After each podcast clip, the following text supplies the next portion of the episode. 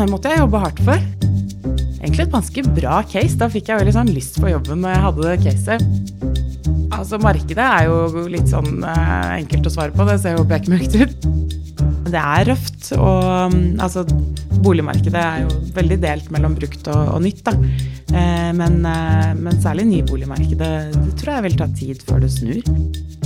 Det er et begrep som jeg egentlig ikke liker så godt, fordi jeg syns at det er litt sånn stigmatiserende mot alle dyktige damer. Bak fasaden med DJ og Rønne. En podkast fra Estate Media. Velkommen til podkasten Bak fasaden med DJ og Rønne. Jeg heter Dag Jørgen Saltnes. Og jeg heter Silje Rønne. Og i dag har vi med oss Matilda Vinje. Hun er akkurat nå regionsjef i Bonava og ble nylig ansatt som ny administrerende direktør i Skage Eiendom. Tidligere vært leder i AF Eiendom og ble i 2019 trukket frem av Kapital som en av 40 ledertalenter under 40 år.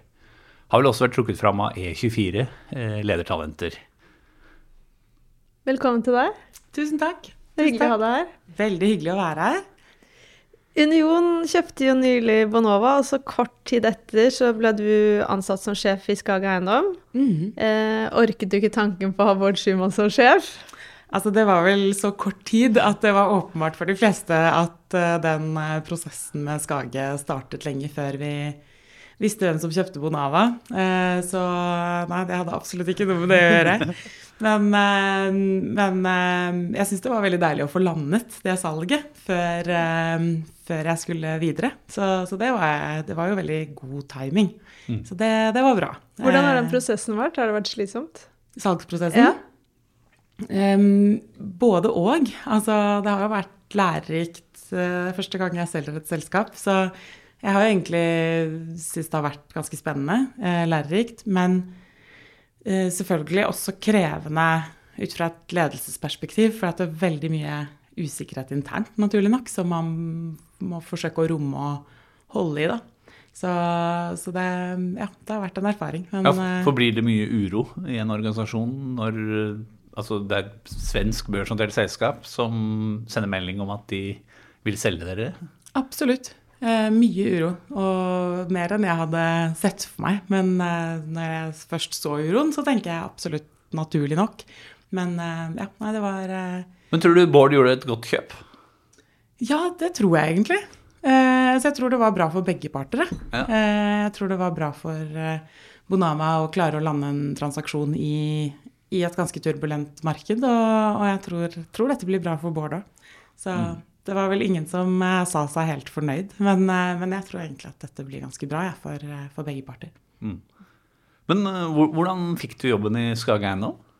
Det måtte jeg jobbe hardt for. Det var, det var headhunter, og det var en, en ganske lang prosess og flere intervju, og det var case, og det var måtte personlighetstester, og måtte levere på alle fronter, følte jeg. Men ja. nei, så det var flere runder med, med intervjuer og, og tester. Hvordan slo de personlighetstestene ut, da? For det, jeg husker at jeg selv tok en for noen år siden, og det er jo eh, ganske sånn interessant å se. For det er kanskje noen sider som eh, man er klar over, men det er ikke alltid, det er ikke alle sider man eh, visste at du er like tydelig, da. Nei. Var det noe som overrasket deg? Altså egentlig ikke. Jeg føler meg ganske sånn gjennomtestet. Ja. Eh, Jeg tror første gang jeg tok en personlighetstest var eh, da jeg jobbet i BCG for Ja. mange år siden. Det var første jobben min. Eh, Og da tok vi den, en sånn ganske grundig personlighetstest med alle på kullet. Ja. Og det var veldig gøy. Da, ble, da fikk jeg veldig respekt for, ja, for den delen av, eh, av faget. For det, jeg lærte mye om meg selv og kollegaene mine av at vi alle tok samme test på samme tidspunkt og på en Ja. måte delte resultatene. da. De treffer. Ja, jeg syns det. Hvordan er Eh, personligheten din da? Nei, den er Jeg kjenner den godt, da, men Nei, jeg, jeg syns jeg scorer veldig på, på sider som jeg kjenner meg godt igjen. Eh, Jeg scorer veldig høyt på struktur og analyse, f.eks. Um, og jeg scorer høyt på mm, empati og på en måte det å, å være veldig opptatt av mennesker og opptatt av, eh, av folk og hvordan folk har det. Um, og ja, mange andre ting, men det er på en måte de tingene som, eh, som jeg tror stikker veldig ut. Tror du det var viktig for Skage, det der at du er eh, opptatt av mennesker og har liksom Ja, ja den, eh, den siden ved deg, da? Jeg følte det. At de syntes det var viktig. At man som leder ikke er kun resultatfokusert. For det er jeg selvfølgelig. Eh, og det kommer, det kommer frem i både tester og i CV-en min at, at jeg liker å jobbe mot resultater, og, og jeg liker å, å skape gode resultater sammen med andre. Men eh, jeg opplevde absolutt at de syntes det var viktig også. At man bryr seg om mennesker, eh, ønsker å jobbe for å få folk til å trives. Og mm, ja, at man også er litt bevisst hvem man er selv. da. Ja. Eh, Jeg, jeg intervjua Knut Skage om hva han var ute etter Ja. i en ny leder. Og han var jo også veldig opptatt av at selskapet skulle både forynges og også ha den type analytiske tilnærmingen Mm. til ting.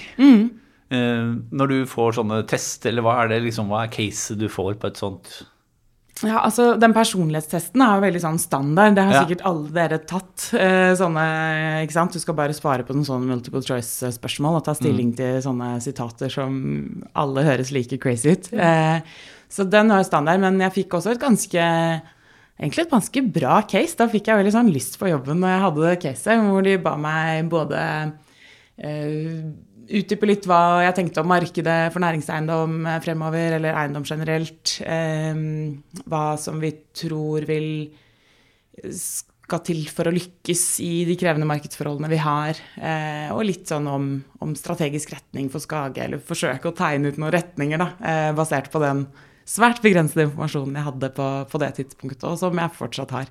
Hva Så- svarte du da, da? Om uh, hva du Jeg skjønner at ikke du husker liksom absolutt alt, men Mm. uh, husker du liksom noen av hovedpunktene? Altså, markedet er jo litt sånn uh, enkelt å svare på, det ser jo bekmørkt ut. så der svarte jeg vel at her er det mange faktorer som, som bygger opp til en perfekt storm, og vi har jo fortsatt ikke sett enden av stormen. Med både økte kapitalkostnader, økte avkastningskrav selvfølgelig som følge av det. Eh, Økt kostnadsnivå på byggesiden og egentlig litt redusert etterspørsel, i hvert fall etter bolig, men eh, også etter i hvert fall kjøp av næringseiendom. Da. Så, så den, det er jo tøft. Eh, og ja, hva svarte jeg på hva man skal til for å lykkes i det? Jeg tror jeg svarte at vi må forsøke å bygge enda mer robusthet inn i selskapet og selskapsstrukturen. Da. Både finansiell robusthet og um, Og så tror jeg også at det vil være veldig viktig å, eh, å være omstillingsdyktig. Altså, og det er jo ikke noe nytt. Nei. Det har det jo vært veldig lenge. Eh, at den som er mest omstillingsdyktig, er også den som er mest konkurransedyktig over tid. Og det, det tror jeg vil fortsette å være sant, eh, og bare enda mer. Når er det du begynner i den nye jobben? Jeg begynner eh, 1. september, 4. september. Eh, så det er Det er kort, kort Under to uker til, ja. Hva er det du ser mest frem til da? Så jeg gleder meg mest egentlig til å bli kjent med organisasjonen. Eh, nå har jeg vært heldig og vært inne og sagt hei, eh, og det virker som en veldig hyggelig gjeng. Men eh, jeg har jo ikke fått snakket ordentlig med de. Jeg vet ikke hva de kan, jeg vet ikke hva de er gode på. Så det gleder jeg meg til å, å, å forstå, og, og bli kjent med porteføljen og kunder og leietakere og banker og alle samarbeidspartnere. Ja. Men eh, inntil videre, da, så Bonava eh, Mm. og boligmarkedet. Eh, Bonava er jo ikke Det er ikke Hobos, og det er ikke Solon, men kan du liksom plassere dem i landskapet? Ja, altså i, um, i, Norge så, så er jo Bonava fortsatt en, en, en liten og relativt beskjeden utfordrer i Oslo, i hvert fall. I Bergen er jo faktisk Bonava markedsledende. Eh, så der er jo, det er jo Bonava som er Obos. Eh, men eh, Jeg trodde, trodde faktisk at Bonava skulle bli solgt stykkevis, jeg, med Ja. egen, egen eh, deal for Bergen. Men Ikke sant? eh, Det, der tok jeg feil. mange spekulerte i det. Eh, men jeg kan si, i hvert fall de interessentene jeg traff i salgsprosessen, så var det stort sett helheten som fremsto interessant. Eh, og det var nok også et ønske fra, fra selgersiden. Eh, Så, så jeg, ja, jeg tror det ble bra for begge parter, som det heter. Men ja, eh, Bonava mm, har nok eh, egentlig forsøkt å ta en, en posisjon som er ganske også for, eh, for mengden. Eh, å være, være en, en tilbyder av eh, boliger som folk flest har råd til. Eh, Men så har de eh, også eh, søkt å differensiere seg på, på design og det å, å skape attraktive boliger da, og attraktive produkter. Så nå vil jo på en måte den tilknytning til den merkevaren, den vil jo gradvis opphøre for den norske virksomheten. Nå har vi jo lov til å bruke den, det navnet en stund til. Eh, og så, så vil det komme et nytt navn. Så det blir spennende å se hva det blir. Men eh, kan du fortelle om noen av de prosjektene dere har hatt her i Oslo? Ja, vi har hatt eh, Kongsløkken, et eh, leilighetsprosjekt eh, på Ensjø. Eh, så det ble Det prosjektet har jeg fulgt helt fra start, for det ble salgsstartet eh, rett etter jeg startet. Og vi overleverte siste leilighet nå eh, i februar. Ja. Så, så det, mm, det har vært et veldig godt prosjekt. Og så har vi hatt et eh, prosjekt ute i, mm, på grensen mellom Ski og Ås, som heter Tambuløkka. Um, så der har vi både solgt uh, godt over 100 leiligheter, og vi har 400 igjen. Så, så det, det skal vi fortsette med. Eh, og så har vi solgt leiligheter i eh, Ask Gjerdrum kommune. Eh, også i forbindelse med skredet, så det var jo også en ganske Hvordan har det gått? det, det kom tett på. Ja. Eh, Selve salget har egentlig gått bra. Eh, Det skredet gjorde nok at etterspørselen etter nye leiligheter i i Gjerdrum kommune faktisk økte. Ja. ja. Eh, For at det var flere som ønsket å, å, å relokalisere innenfor, eh, innenfor kommunen. Da. Eh, Men, men det var veldig tøft å ha det, å ha det skredet så tett på. Ja. Uh, Det var bare et par dager etter vi hadde overlevert de første 50 leilighetene der. Og da får du mange telefoner. Ja, mange telefoner og, og, og mye følelser for oss også. Ja. Det tok jo tid før vi visste om noen av våre beboere var, eh, var berørt, eller våre ansatte, eller ansattes familier. Men, eh, men vi, vi gikk klar av de store personlige tragediene, men det, det kom jo tett på. Ja. Hvor bor du selv? Jeg bor eh, her i Oslo, på Berg, eh, i nærheten av Ullevål. Så mm, det var eh, 15 minutter på sykkel ned dit, det var deilig. Lett ned. Lett ned, ja. Men det er en ting vi lurer på, for det er liksom de færreste boligutviklere bor i egne prosjekter. Ja. Hvorfor er det sånn? Ja, eh, det er et veldig godt spørsmål. Mm. jeg, eh, jeg hadde jo selv flyttet ut av leilighet eh, og bodde i hus Ja, eh, ja. liksom allerede da jeg fikk min første jobb innenfor, eh, innenfor eiendom og, og begynte å ha egne prosjekter, som det heter. Ja. Så for meg har det aldri vært et tema, mm. fordi vi har hatt eh, eh, ja, vi har hatt barn, og vi har ønsket å, å bo med hage og, og hus. Mm. og hatt, eh, vært privilegerte nok til å også ha mulighet til å realisere den drømmen. Det er jo noen som har vært der som sier de orker ikke tanken på å bli en sånn ekstra vaktmester. eh, Nei, sånn, ja.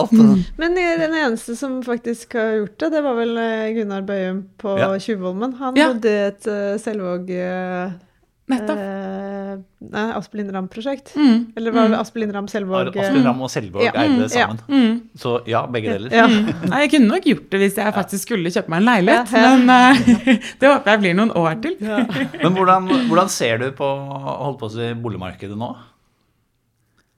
Ja, hva skal man si? Eh, Jeg ser nok på det ganske likt som eh, de fleste analytikere. At, eh, at denne høsten blir røff. Det, det er røft. Og mm, altså, boligmarkedet er jo veldig delt mellom brukt og, og nytt. Da. Mm. Men, men særlig nyboligmarkedet, det tror jeg vil ta tid før det snur. For vi trenger et sterkt forbrukersentiment, og folk må tørre å kjøpe en ny bolig.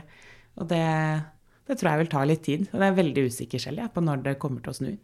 Men uh, jeg håper jo at uh, våren 24 blir uh, noe lysere for, for alle, alle oss som driver med bolig. Du er utdannet sivilingeniør i industriell økonomi og teknologiledelse fra NTNU. Mm.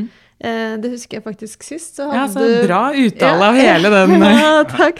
Men da hadde du på deg også den uh, ingeniørringen. Det Ja. kom, eh, er den fortsatt på? Nei? Du, altså, den tok jeg av uh, i første permisjon uh, med det, første barn, fordi det var en litt jobbring. ikke sant? Så jeg var ja. litt sånn at den trenger jeg ikke å ha på nå når jeg bare skal gå med babyen min. Ja. Så har jeg liksom ikke tatt den på igjen. Men eh, det, det var en god påminnelse, Ja. Silje. Det, den må jeg du, fiske frem. du husket jo også det nummeret på ringen din også. Var det ikke noe Nei, for det gjorde, Gjorde det sist. det? Ja, det gjorde det sist, for da tenkte jeg bare Oi, det er imponerende. Ja. Eh, men eh, hva var bakgrunnen for det valget av studie? Ja, det var ehm, Det var jo at jeg likte veldig godt realfag. Mm. Eh, eller altså, jeg likte egentlig alt mulig. Jeg var sånn skoleflink, eh, skoleflink jente. Ja. Eh, og, og hadde liksom gode karakterer og, og syntes at jeg fikk til det der. Og så tror jeg jeg kjente et visst ansvar nesten for å liksom, Når jeg var jente og, og, og fikk til realfag og, og syntes at matte og, og naturfag var gøy, så tenkte jeg at ok, men da må jeg jo i hvert fall gå den retningen der. Eh, fordi det er det jo, skriver de jo i avisen at det ikke er så mange som gjør. Ja, Hvor mange Så- var, jenter var det da? Eller andelen var den? Akkurat på Induc, som vi kalte det da, så var det rundt 30 eh, Så det var nok av de sivilingeniørlinjene som hadde flest jenter på den tiden. Eh, og nå, ganske nylig etter jeg startet der, så økte det og ble litt nærmere 50. Ja, For nå og- er det vel over 60, tror jeg. det leste jeg jo, det var jo veldig kontroversielt ja, rundt de eh, der eh, jentepoengene. Og, ja, og det skjønner jeg, da, når man bikker 50, at det er mange som stiller spørsmål ved det. Men har det vært riktig å gi ekstrapoeng for jenter for å komme inn på mannsdominerte studier? Altså, jeg er usikker. Jeg, jeg tror når, når det er veldig lite av ett kjønn på et studie, så, så syns jeg det kan ha noe for seg. Ja. Fordi det er krevende å stikke seg ut. Jeg husker selv at da jeg begynte der, så vi skulle velge tre ulike teknologiske retninger i sommerferien. Skulle vi sette sånn kryss. Og det var maskin, eller liksom produksjon og produktutvikling, og så var det eh, IT og eh, energi og miljø. Og, og man satt jo der og hadde ingen forutsetninger for å ta det valget, egentlig. Og jeg valgte IT, eh, fordi jeg tenkte det var smart eh, og fremtidsrettet, og det ville jeg lære noe om. Og så kom jeg opp dit, og vi var en klasse på 100 personer, og det var tre andre som hadde valgt IT, og alle var gutter. Ja, Og skal ærlig innrømme at jeg byttet ja du, Du byttet- gjorde det. Ja. Hva byttet du til? Det er maskin eller produksjon og produktutvikling. Ja. Fordi de andre to gruppene var ca. like store, og jeg syns det var Jeg orket ikke å Det blir, du blir tett på. Jeg orket ikke å være bare tre eh, og bare gutter. Nei, det, så jeg lot det sosiale spille inn. Jo, jo. Mm. Men var det ikke sånn at bestefaren din uh, har ikke han, eller, Er ikke han også ingeniør, eller jeg bare husker en Jo, var sånn det kan jeg ha fortalt Ja. knyttet til Ja. den ringen. For den ringen fortsatt meg den ringen, eh, minner meg veldig om farfar. Eh, For farfar gikk med den, og, så jeg syns jo fortsatt det er en litt sånn mannering, fordi den minner meg om farfar.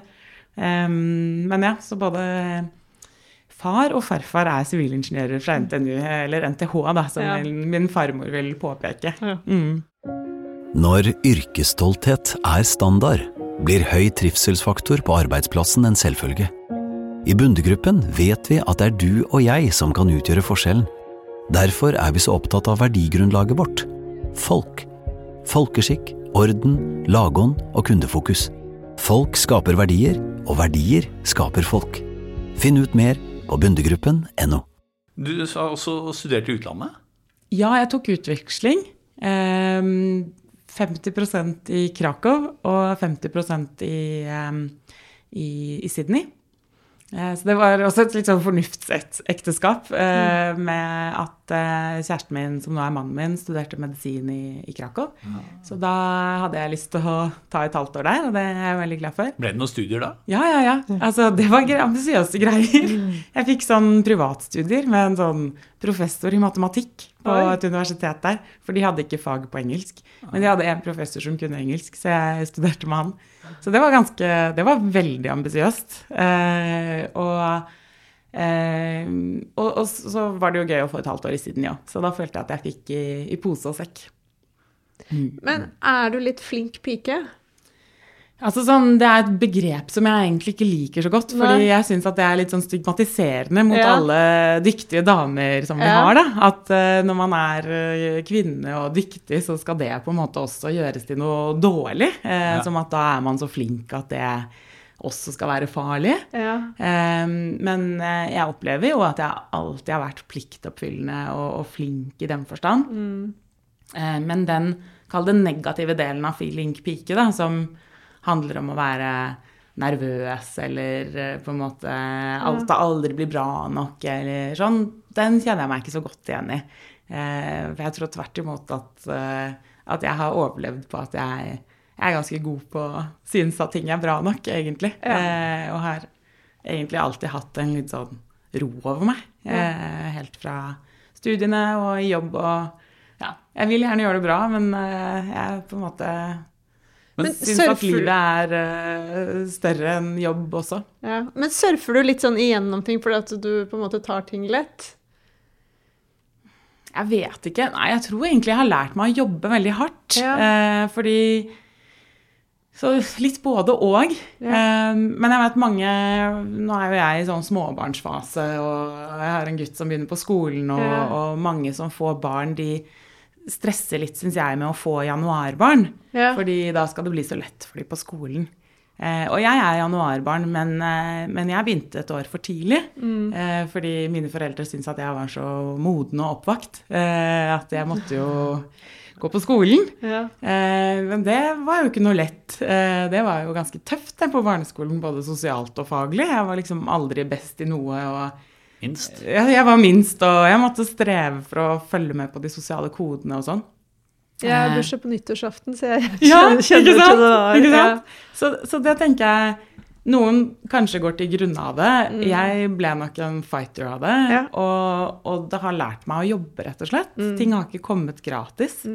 Um, så jeg har desemberbarn nå, så jeg er også litt sånn glad på hans vegne. da, For Ja. jeg tror han kommer til å lære seg at uh, du må stå på. Men du ble jo leder i ung alder. Ja. Uh, Og hvordan har det vært? Jeg syns det har vært veldig fint, fordi jeg har hatt så mye gode ledere. Men, men får du, som ung leder, får du respekt og sånn fra start, eller må man Altså- kjempe seg til det? Det er jo varierende. Jeg syns ja. jeg har nesten utelukkende fått respekt fra start. Og så er det selvfølgelig noen som prøver seg med noen kjappe kommentarer og tenker at uh, henne skal vi Ja, henne Det skal vi få bort. på. Men, men det, det er litt interessant, for du har bakgrunn fra AF Ja. Mm. eh, Eiendom. Og det virker som det er en sånn utklekkingsanstalt for ledere i eiendomsbransjen. Eh, Jeg blir veldig stolt når jeg ser hva alle de flinke kollegaene mine får til. Det syns jeg er kjempegøy. Ja, for det, det begynner å bli mange av dem. Mm. Det var vel eh, han eh, Andreas Røsjø, Mm. ja. bakgrunnen derfra. Nina Hage i Bulk. Og ja, det eh, hva, hva, er det som, hva er det som gjør at de som har vært der, eh, gjør det så bra senere? Altså, jeg trivdes jo veldig godt i AF-gruppen generelt. Jeg har jobbet der i syv år, og jeg føler fortsatt at det er en stor del av mitt eh, DNA som kommer derfra. Eh, Jeg opplever at AF er Altså, de har rykte på seg for å være veldig gode på lederutvikling og ha veldig gode verdier knyttet til ledelse og det å gi folk ansvar og tillit og og det opplever jeg at de leverer ekstremt bra på. Eh, Så jeg opplever selv at jeg utviklet meg mye som leder der fordi jeg fikk lov å prøve, og fordi jeg hadde ledere som støttet meg og backet meg. Og ga meg gode råd hvis jeg sto i vanskelige situasjoner. For det er litt sånn utippa egentlig at en sånn ingeniørvirksomhet på en måte Eller en sånn byggebransje, da. Mm. At de skal liksom være så gode på å hente frem eh, unge ledere. Ja, altså men det er de. Og jeg vet ikke om det gjelder for andre entreprenørselskaper. Nei, Jeg har jo ikke jobbet i så mange entreprenørselskaper. Men det jeg ser med et entreprenørselskap, er at de har et ekstremt stort behov for mange dyktige ledere. Ja. Fordi at de har så mange byggeplasser eh, som hver og en egentlig trenger å drive som en selvstendig bedrift. ja. Og, og det betyr at det er veldig mye lederansvar å dele ut. Eh, så det er mange som får mye god trening. ja. Eh, og i hvert fall hvis du da også gir de mye ansvar og mandat, og backing, så, så tenker jeg at det, det er et ganske godt uh, klekkeri, altså, for mange, mange gode ledere. Har du noen episoder fra den tiden der du liksom tenkte sånn, følte deg veldig ny og bare åh, kommer det her til å gå bra? Ja, At du liksom følte at du hadde fått litt mye ansvar, eller? eh? Så mange, tror jeg. Altså. Hver gang man får en ny jobb, så kjenner man jo på en sånn blanding av skrekkblandet fryd eh, på at man gleder seg til å ta fatt på det ansvaret, men vil gjøre det bra og vil, eh, vil levere. Um, så jeg har absolutt kjent på en ærefrykt de gangene jeg har fått lederansvar. Em, men så går jo det fort over, da, for det, man, det er jo så mye jobb. Så du får jo masse å ta tak i, så du har ikke så mye tid til å tenke på det. Eh, Så, så det syns jeg egentlig har gått seg til. Eh, Man må bare ja, ta tak i arbeidsoppgavene og så løse en og en. Er det her litt den Nå bare stakkars Gud, får ikke sagt noe som helst, jeg bare avbryter, men vi har hørt at du har litt sånn Pippi-mentalitet. Sånn eh, Det her har jeg ikke gjort før, så det klarer jeg sikkert. Ja. Eh, siden du er også er storesøster. Mm. Eh, er det her noe du Jo, altså sånn eh, Jeg kjenner meg igjen i det. Altså at jeg har lett for å tro at jeg skal få til ting. Ja. Eh, og så betyr ikke det at jeg ikke legger jobben for å få det til, men, men jeg plages ikke av sånne indre demoner som ne. forteller meg at dette går aldri. Selvfølgelig en liten kvitring på skulderen, men den er ganske lavmælt i forhold til den som forteller meg at eh, her er det bare å gjøre sitt beste, og så, så må jo det være bra nok. Mm. Du er jo også datteren til Olav Line, en Ja. kjent eh, eiendomsleder Ja. gjennom mange år. Som også har vært i podden? Han har også vært i Ja. podden, så uh, diskutere, diskuterer dere mye fag og eiendom? Altså Besnærende lite, vil jeg si. Eh, for det er jo ikke så naturlig å, å ta hele middagsbordet inn i, i fag og, og bransjesnakk. Eh, men, eh, men det hender selvfølgelig. Og, og mm, ja, så hvis, hvis jeg står i en spesifikk problemstilling, så, så kan jeg absolutt eh, rådføre meg med han. Men hva skiller dere som ledere?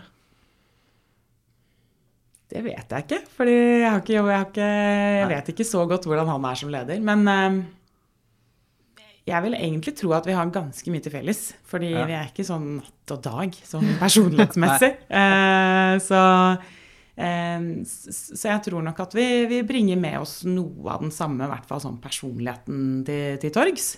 Eh,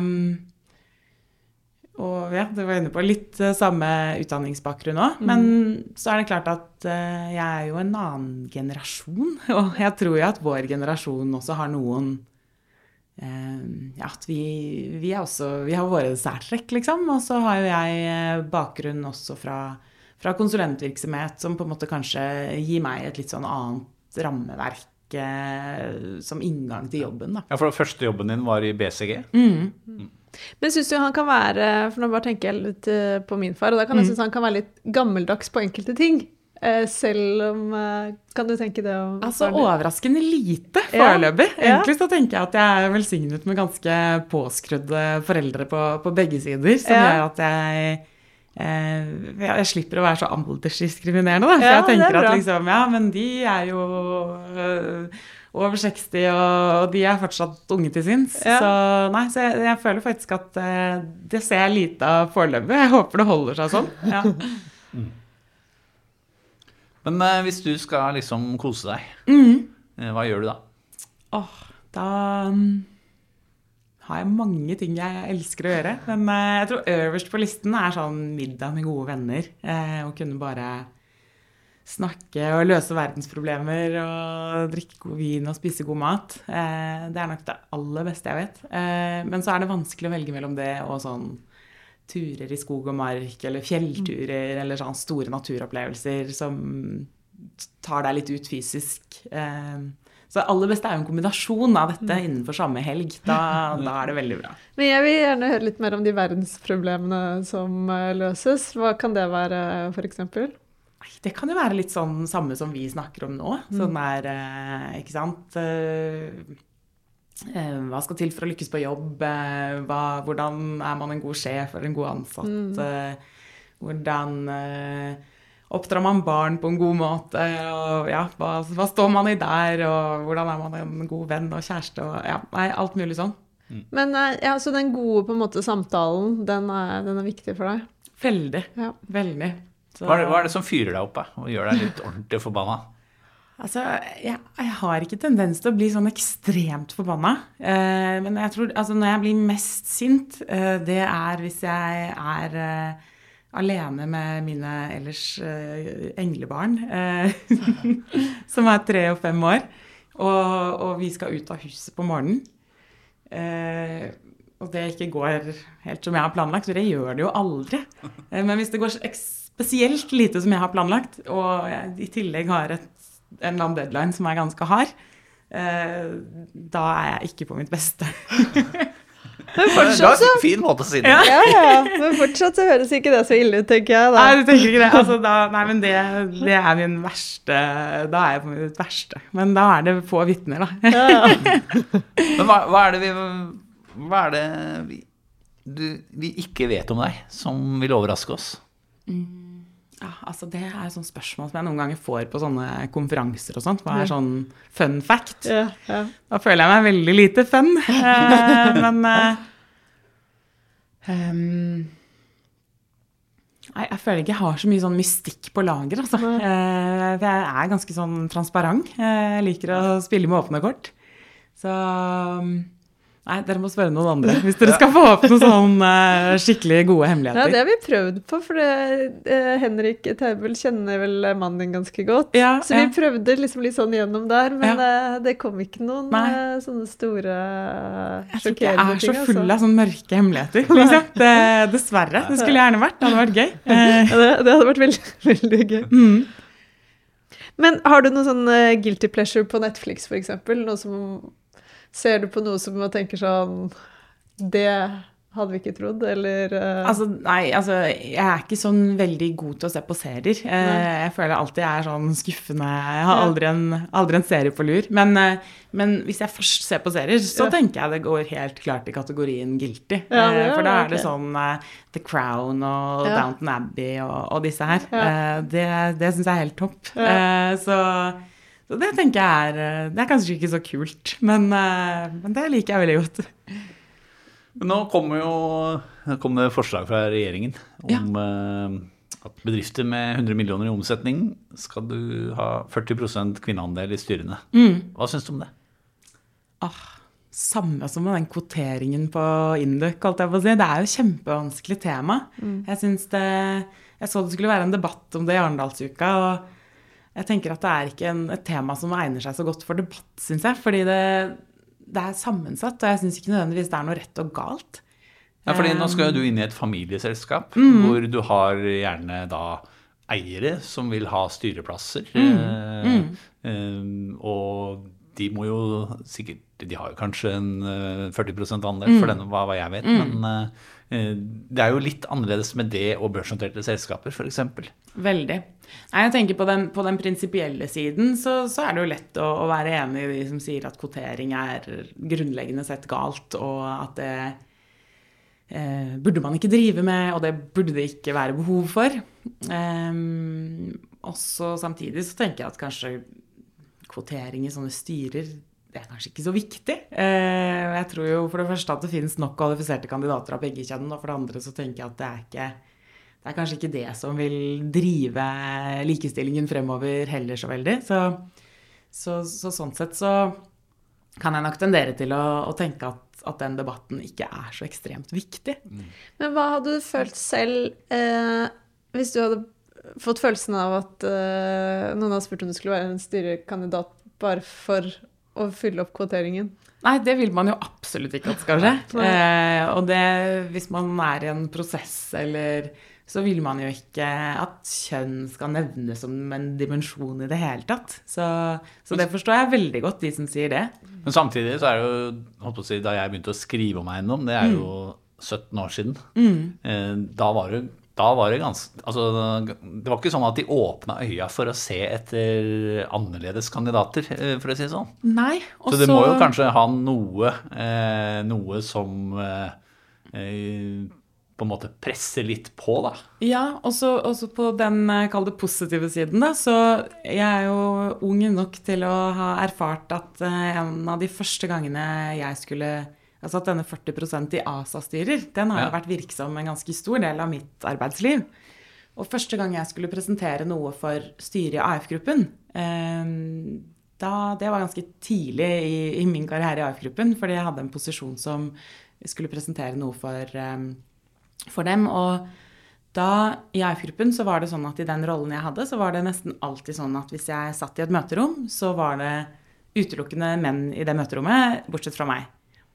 Og det gjør jo ingenting. Det er jo sånn det er. Men, men det var sånn det var. Og så plutselig så skulle jeg presentere noe for det styret, og da var det plutselig to-tre damer i det styrerommet.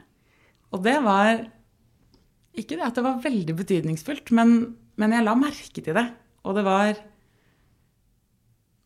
Det ga meg på en måte en liten sånn eh, form for kanskje positiv eh, energi.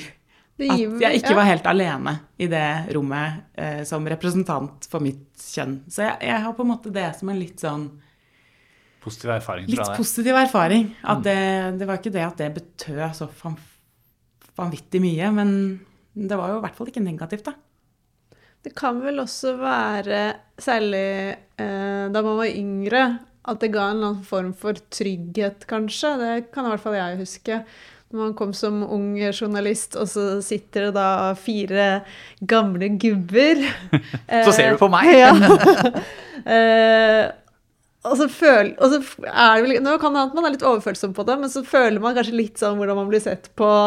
Eh, og så er man, er man ny i jobben sin Mm. og kan bli litt usikker da. Men sånn som nå, for min del, så det, kjenner jeg aldri på det lenger. Men jeg tror det har litt kanskje Ja, men- med alder og erfaring jeg husker jeg jobba i Finansavisen Mm. og var vel 24 år eller noe sånt og skulle møte med en av disse konserndirektørene i Mm. Hydro. Og jeg husker jo fortsatt den skuffelsen i øya hans når han eh, så han der unge journalisten som kom. Mm. Eh, og, og da tenkte jeg åh, hvis jeg hadde hatt eh, langt hår i tillegg og vært eh, dame, da, så Mm. eh, Jeg skjønner jo den, den siden der. Ja. Selv om jeg er eh, en av de mest privilegerte hvite middelaldrende menn. Og så tenker jeg at det var kanskje mer det der at det, det gir deg litt fri fra den eh, hele tiden følelsen av å, å stikke seg litt ut. Eh, fordi det, det er jo vi som mennesker litt eh, Det merker vi jo. Ja. Ikke sant? Hvis man står på en scene, eller selv de av oss som liker å stå på en scene, så du kjenner jo at når du står der, så stikker du deg ut. Men det er jo noe som f.eks. Eh, folk med bakgrunn fra andre land Mm. eh, føler veldig på. At eh, hvis du skal jobbe et sted, og så jobber det ingen som ser ut som deg, Ikke eller sant? har den bakgrunnen. Mm. det er også en del av den mangfolddebatten som Ja. kanskje uh, skulle dreie seg uh, også mer om også andre typer mennesker da, Mm. enn bare kjønn og, og etnisitet, f.eks. Mm. Ja, for nå går vi jo helt over til eh, sånne middagsdiskusjoner som du egentlig skulle hatt et godt glass vin, men, eh, men den mangfoldsbiten òg For hva nå har jo den mangfoldsbiten blitt veldig sånn mann, kvinne, eh, brun, eh, norsk Jeg kan si brun siden brun selv, så jeg er ikke så nøye på det. Men sånn, hva, hva tenker du rundt den mangfoldsbiten? For at, eh, hva er egentlig mangfold for deg? Jeg er absolutt enig med deg. At Ja. det blir jo veldig snevert Ja. eh, å dele inn i disse mest synlige kategoriene. Eh, men, eh, men det er jo i hvert fall et sted å starte, da. Eh, også om kvotering er riktig for å skape mer mangfold, det er jeg usikker på. Men, eh, men jeg syns i hvert fall det er viktig at vi jobber for at, at, at alle skal føle seg vel og velkomne på jobb. Eh, uansett hvilken gruppe man føler man hører til i. Eh, og jeg tror jo til en viss grad at ved å snakke om erfaringer man har med å stikke seg ut, enten det er fordi man har vært ung, eller om det er fordi at man har eh, gått på et annet studie enn alle andre, eller at man eh, ser ut forskjellig fordi pga. kjønn eller etnisitet eller det, Jeg tror vi alle har erfaringer med det. Eh, Så kanskje, kanskje mer tilhenger av det. At man på en måte generaliserer litt at alle opplever å stikke seg ut. Og det på ulikt vis og i ulik grad. Og, og vi mennesker er jo veldig opptatt av å føle oss inkludert. Så prøve å jobbe for å, å få til det. Bak fasaden med DJ og Rønne.